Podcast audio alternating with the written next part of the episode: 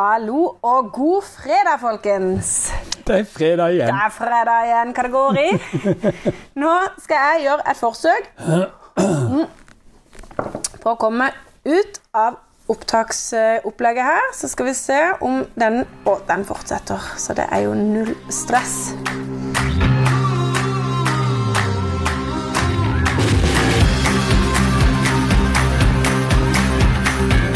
Og jeg skal da lese et spørsmål fra Man Jeg syns du skulle lese et dikt. Mayan. Eh, eller Mayan, kan det jo være. Men her kommer det litt langt, så nå skal jeg lese dette, så må du følge godt med, ikke falle av. Ja. Og så svarer vi etterpå. ja. Hei disse flotte høstdagene. Takk for en flott podkast dere har, og ikke minst programmene hvor dere svarer på spørsmål. Og her kommer et spørsmål fra meg òg. Eller det, det kan vel være det er flere. Felles for de alle er i alle fall eh, Nei, jeg er avfall. Jeg er så heldig å ha tilgang eh, på grovfòrrester etter kyrne hos oss. Liggeunderlag fra kalvene og oppsop fra gardene. Dette bruker jeg i bedder og potter til blomster og grønnsaker. Grovfòrrester, altså gras fra rundballer med ensilering i, er topp å bruke til dekking. Ofte er det fersk kugjødsel innblanda her. Har òg fri tilgang eh, til hestegjødsel, som inneholder mye sagspon, gran. Første spørsmål. Har ensileringsmiddelet en negativ virkning, og bør den bli gammel før den brukes? Som negativ virkning tenker jeg på balansen i jorda, og ikke minst på kalk. Har alltid hørt at kugjødsel ikke skal brukes fersk, men hva er egentlig fersk? Rett fra rumpa? To uker? Eller Spørsmålstegn først. Det var første spørsmål. Vi begynner der, så kommer det flere. Skal vi ta det med en gang? Jeg tenkte det, så det ble veldig mye husk hvis ikke. Ja, det kan vi, hva er fersk? Hva er fersk? Ja, det var flere. Ensileringsmiddelet i Og, negativ og fersk eller ikke fersk. Ja. Mhm. Altså, eh, jeg, har ingen, ingen, eh, jeg har ikke forska på eller jobba mye med enfileringsgress som å dekke med osv. Mm. Men eh, jeg kan egentlig ikke tenke meg at det er veldig farlig. Eh, Men jeg kan heller ikke tenke meg at det er særlig nyttig.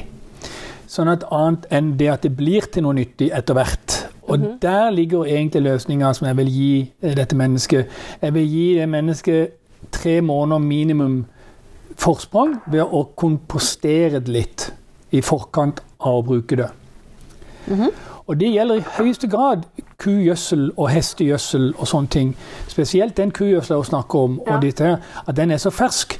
Og et, et mål på å vite om den her er for fersk eller ikke, er egentlig bare lukte på det du har. Ja. Så hvis det lukter ammonium eller drit, så er det for ferskt.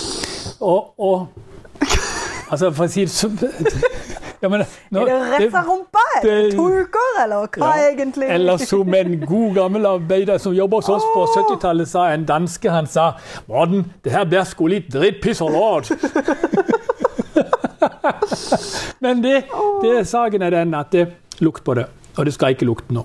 Så dette er det viktige, det er det faktisk helt viktig at du komposterer disse tingene før du bruker det i haven. Det kan godt være litt næring igjen, det er ikke det jeg sier. Men vi vil gjerne ikke at det skal være så veldig mye ammonium, som jo er uh, hovednæringsstoffet i husdyravføring. Mm.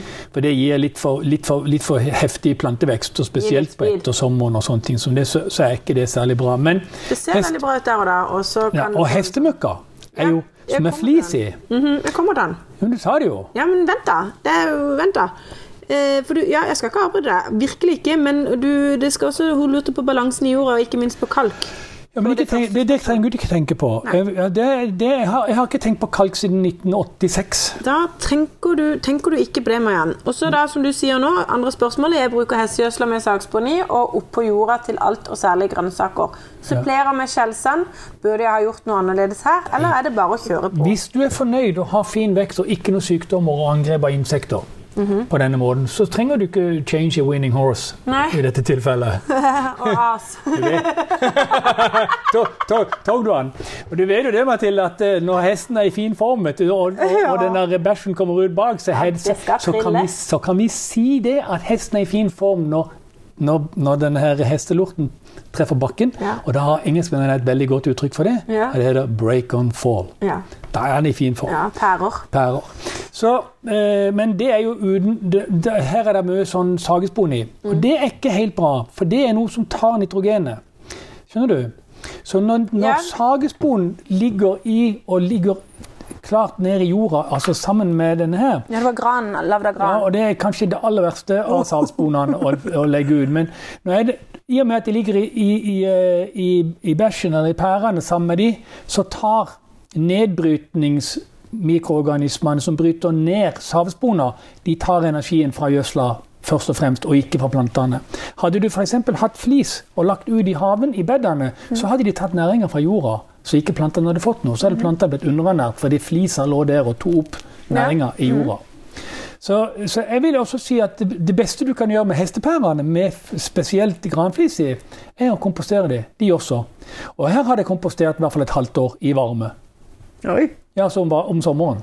Altså i sesongen. Men kan vi rulle tilbake for if it works, it's, så er det greit? Ja, altså don't change a winning horse. Ja, Absolutt. er- altså, vi trenger jo ikke lage mer arbeid for folk. Absolutt. Men, men vi kan si hvis det er sånn og sånn, eller det opererer sånn og sånn, eller reagerer sånn og sånn, så ville vi kompestert litt først. Men det er ikke ofte at sånn type drift øh, øh, ikke medfører øh, opportunistiske patogener som insekter og sopper og andre ting, fordi at de vokser litt for godt noen ganger Ja. når de får denne gjødsla. ikke sant? Og da får de ofte litt sykdommer. Og det er egentlig kanskje litt viktig å huske på at um, når man bruker dette, for dette er jo så et naturlig eh, driv, ikke sant? Det er ikke det naturlig. Nei, det var ikke det jeg sier. Her er jeg på gård, ikke sant? Her har du hest Ja. og du har kyr, og så bruk, du føler litt du bruker hele Mm. eh, skrotten. Ja, Ikke sant? Du bruker hele produktet, eh, og det er jo kjempebra, men du skal bare, folk må bare huske det at eh, akkurat disse tingene, det er vel kraftig kost, og det gjør til eh, hyppig eller kjappere vekst. grunnen til at dette har vært brukt, er jo fordi at man har jorder og beiter og sånne sånne ting som dette, og så har man hatt store nok arealer til at dette ikke påvirker planteveksten veldig negativt. Med, med, med å vokse for mye, skjønner du? Ja. Så, men om man da bruker det litt mer enn det som kanskje er tilrådelig, så har man ten, ten, tendens til å få litt økt vekst Ja. i plantene. Altså mer enn naturlig. Og da er det sommerbole, akkurat som med andre ting. Ja. Ja, Derfor så sier jeg det jeg sier. Men igjen, hvis du er dødsfornøyd og ikke og har noen problemer, eller noen ting, don't change your winning horse. Nei. Shit. Så sier hun Feller meg en ting til her. Skal vi se Så ikke jeg glemmer det. Eh, jeg håper for dere. Skal vi se, og så skriver hun en liten ting til. Bruker løv som er super sammen med bokashi. Var det et spørsmål, eller var det en eh, ting? En ting til. Bruker løv som er super sammen med bokashi. Ja, det tenker jeg. Det, Bokashi har jo på en måte en del sånn mikroorganismer i seg som er på en måte med på å bryte ned organisk materiale. og Det er supert å blande det inn i løv, f.eks. i en løvkompost, eller motsatt å blande løv inn i en bokashi-kompost. Det gir luft, og det og de gir også tilførsel av veldig mange naturlige mikroorganismer og sopper og andre ting fra naturen som kommer inn i dette ellers litt eh, merkelige mikroorganismeuniverset som bokashi har. Ja. Sånn, så får vi inn litt naturlige ting fra havene. Dette er midt i blinken. Falt du av? Mm. jo, Så du på øynene mine? Ja, jeg hørte det liksom. Mariann, jeg håper at du fikk svar på eh, spørsmålet ditt nå. Eh, og det var et veldig bra spørsmål, og det var gøye spørsmål. Og det var eh, suverent, faktisk. Det var faktisk alt eh, morsomt. Ja, det var det. Med litt uh, Rilla Pizza Lord. Eh, yes. Jeg fortsetter faktisk til, til Ragna. eh, hun har et par spørsmål som hun Altså, hun skriver Meg igjen. Eh, jeg lytter og lytter på deres podkaster. Det med at dekke med løv, isolere osv. Så, videre. så hun, er her må vi være flinkere til å forklare nå, for hun har ikke uh, fått 100% med seg, tror jeg. Jeg har lang vinter og 1,40 med snø ofte. Sette ut grønnsaksplanter 1.6. Ikke sant? Det sier jo sitt. Venter på hvitløken, som er dekket med løv, men der er det is under løven. Hvor tynt med løv skal en ha? Ja, og Det er et veldig, egentlig et veldig godt spørsmål, selv om jeg ikke helt fatter hva hun mener, hvilken vei hun mener det med hvitløken. Men det kan vi ta sånn som jeg forstår det etterpå til slutt. Men når det gjelder da, Hun har altså opptil 1,40 med snø Og hun bor opp forbi Lillehammer, Ringebu, inn i eh, områdene der oppe. Ja, nå må jeg bare si det at vi, vi måtte søke det opp for å være 100 sikker, sikker og tror at det liksom noe annet. Så jeg, jeg, jeg, jeg googla det for å finne ut av location. Vi må jo vi må jo det Ja, for å kunne svare hvor- godt. Ja, jeg vet det! Det var bare Det er liksom det Var det sånn stalking-opplegg? Ja, det var den følelsen, så jeg ville ikke gi gi den. Ja, det, var, det var ikke meninga. Kjør på. Men øh, poenget er det at um, steder med, med eh, stødig, fast, årlig, godt snødekke Ja. har jo ikke behov for løvet i den grad til å isolere som vi har langs kysten og andre steder hvor vi ikke har snødekke.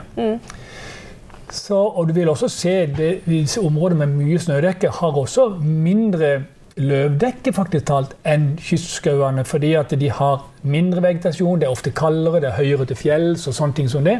Så de har et mindre biologisk aktivt tykkelselag i øverste delen av jorda Ja. enn enn vi har. Ja. Så man trenger egentlig ikke så veldig mye mer enn det du ser rundt deg i naturen av et løvdekke sånne steder. Men løvdekke har jo, er jo ikke bare med på å isolere. Det er jo først og fremst med som en sånn mattilførsel som legger seg oppå jorda hvert år. Som da blir trykka lenger ned og blir omdanna til, til organisk materiale og mat til mikroorganismene hele tida. Så det er er tykkelsen der som på en måte gir ekstra næring til jorda. ja. Det er det viktigste med løvdekke, men hos oss er det ekstremt viktig for å isolere. Ja. Men har du snø, så er det ikke noe som isolerer bedre enn det. Og hvis du har 1,40 med snø, så har du ikke særlig tele heller under den hvis den kommer tidlig nok. Men, men, men det eh, Men hun hun, kommer til ut i juni, skriver hun, ikke sant? Ja, ja. ja. Så hun har jo en fin vår, og du kommer jo til i juni å plante ut. Mm. Og, og når det gjelder hvitløken, så har ikke jeg dyrka hvitløk der oppe, men det er helt klart at det, uh, du setter det rett og slett bare før frosten kommer, eller med en gang du merker at frosten begynner å komme, Mm. så er det bare å løpe ut og så hive den i bakken. Og så er det bare å dekke over med litt løv, men ikke så mye. Nei. Jeg hadde, ikke- jeg hadde ikke dekka hvitløken hvis jeg visste at det kom masse snø. Med mer enn eh, jeg, hadde, jeg hadde nok kanskje legget, lagt på litt allikevel, men det hadde jeg gjort i tillegg. Jeg hadde lagt litt pinner. ja, for å For å gi litt rom. Litt luft og rom Ja. hadde jeg gjort ja. der nede under snøen. Og så hadde, det, så jeg fått, liksom, jeg fått sånn et eh, tinerom etter hvert som jordvarmen kom opp. Så hadde det gått tidligst der. Ja. For hvitløken er tøff. Den tåler kulde. Ikke sant? Ja. Bygge Så, opp litt ikke, eh, ikke 20 kuldegrader, men den tåler i hvert fall noen frostgrader om våren. ikke sant? Ja. Så det er ikke vanskelig. Hive litt pinner, eh, rett og slett, som gir litt sånn Over, luft. over denne rada med hvitløk, og så Ja. Mm. litt løv, og så vente på snøen. Ja, dette blir snadder. Ja, ok. Ja. Men det kan jo være interessant for hun, eh, Ragna også ha den, eh, dine ni årstider ja. å lese om. For det er jo i forhold til syklusen de sin. Der står det veldig mye om det. Ja. Men når det gjelder hun så hvor tynt med løv skal en ha? ja. Og det syns jeg er et veldig eh, omvendt spørsmål. Jeg skulle til å si, Du, du Ja. skulle, vel ha spurt hvor tykt? Ja, på en på måte, spissen. men hvor tynt kan man ha? Og da vil jeg si at du, du, kan jo Ofte er jo plantene som vokser her hos henne, tilpassa det stedet, så de er mye mer hardføre enn de som er nede hos oss. Mm. Så de tåler jo å våkne der og ligge under snøen osv. Ja. Så, så uh, de, skal bare ha et naturlig løvdekke. Husk på det at når snøen forsvinner og løvet ligger der, så om det er 10 cm med nokså komprimert løv, så er ikke det noe problem for en staude eller en, en hvitløk eller andre ting å komme opp igjennom. Nei. Så Så ikke i bekymre seg for det. Ja. Ja. Så i hvert fall 10 cm. Jeg ville hatt det, Ja. som er ferdig etter snøen. Det er liksom litt sånn hyggelig. Å, det er flott! Ja. Det er flott. Tenk, altså, tenk å gå ut om våren når snøen er gått, og så sette fingeren ned på lauvet, sånn, så trykke ned litt, og så, og så kan du legge nesa nærtil, og så kan du dra de fra hverandre, og så kommer du ned til jorda, og så, og så kjenner du, og så ser du, så kan du se det kræler, og så er det faktisk all våren som er på vei opp til deg. Ja, så er det Der vår. nedenifra. Så er Er det ikke flott? Jo. Det kommer varmen ifra jorda, opp der, og så treffer det deg. Vi har to vidt forskjellige følelser til det. Ja. Men det er hyggelig. Det, det, det er godt det at vi er Ja. forskjellige. Mangfold, vet du. Mangfold. Ja, ja, ja, ja. Det er bra. Nei, men dere, da tror jeg vi kjører en eh, takk for i dag, og ha en riktig god Jeg fredag. synes du skulle si at skal vi spille musikk nå, Nå tar vi fredagsstemninga til nye høyder. Ja. Folkens, kos deg med pizza, taco eller reker. eller hva enn det er. Ja, Jeg veldig bra. bare nyte, og jeg håper alle får ei god helg. Og kom dere ut! Du vet det, du vet det Mathilde, at det, de fem stedene i verden som har flest hundreåringer, Ja. vet du hva de har? Alle sammen fellesnevneren. Ja. En av de fellesnevnerne. Ja. At de har havet. Ja. De dyrker litt mat sjøl. Mm. Og de er, minst, de er gjennomsnittlig to timer ute og arbeider i, på tomta i haven med et eller annet hver dag. Ikke sant? Ja, det er veldig viktig. Så hvis du vil bli lukte- 100, så er det Så er det bare ut og så hive seg rundt i haven litt. Hvis ikke du er for sint som 90. Nei, nei. nei, ut og nyt frisk luft og eh, godt selskap. Det er godt for sjel og hode. God helg. God helg.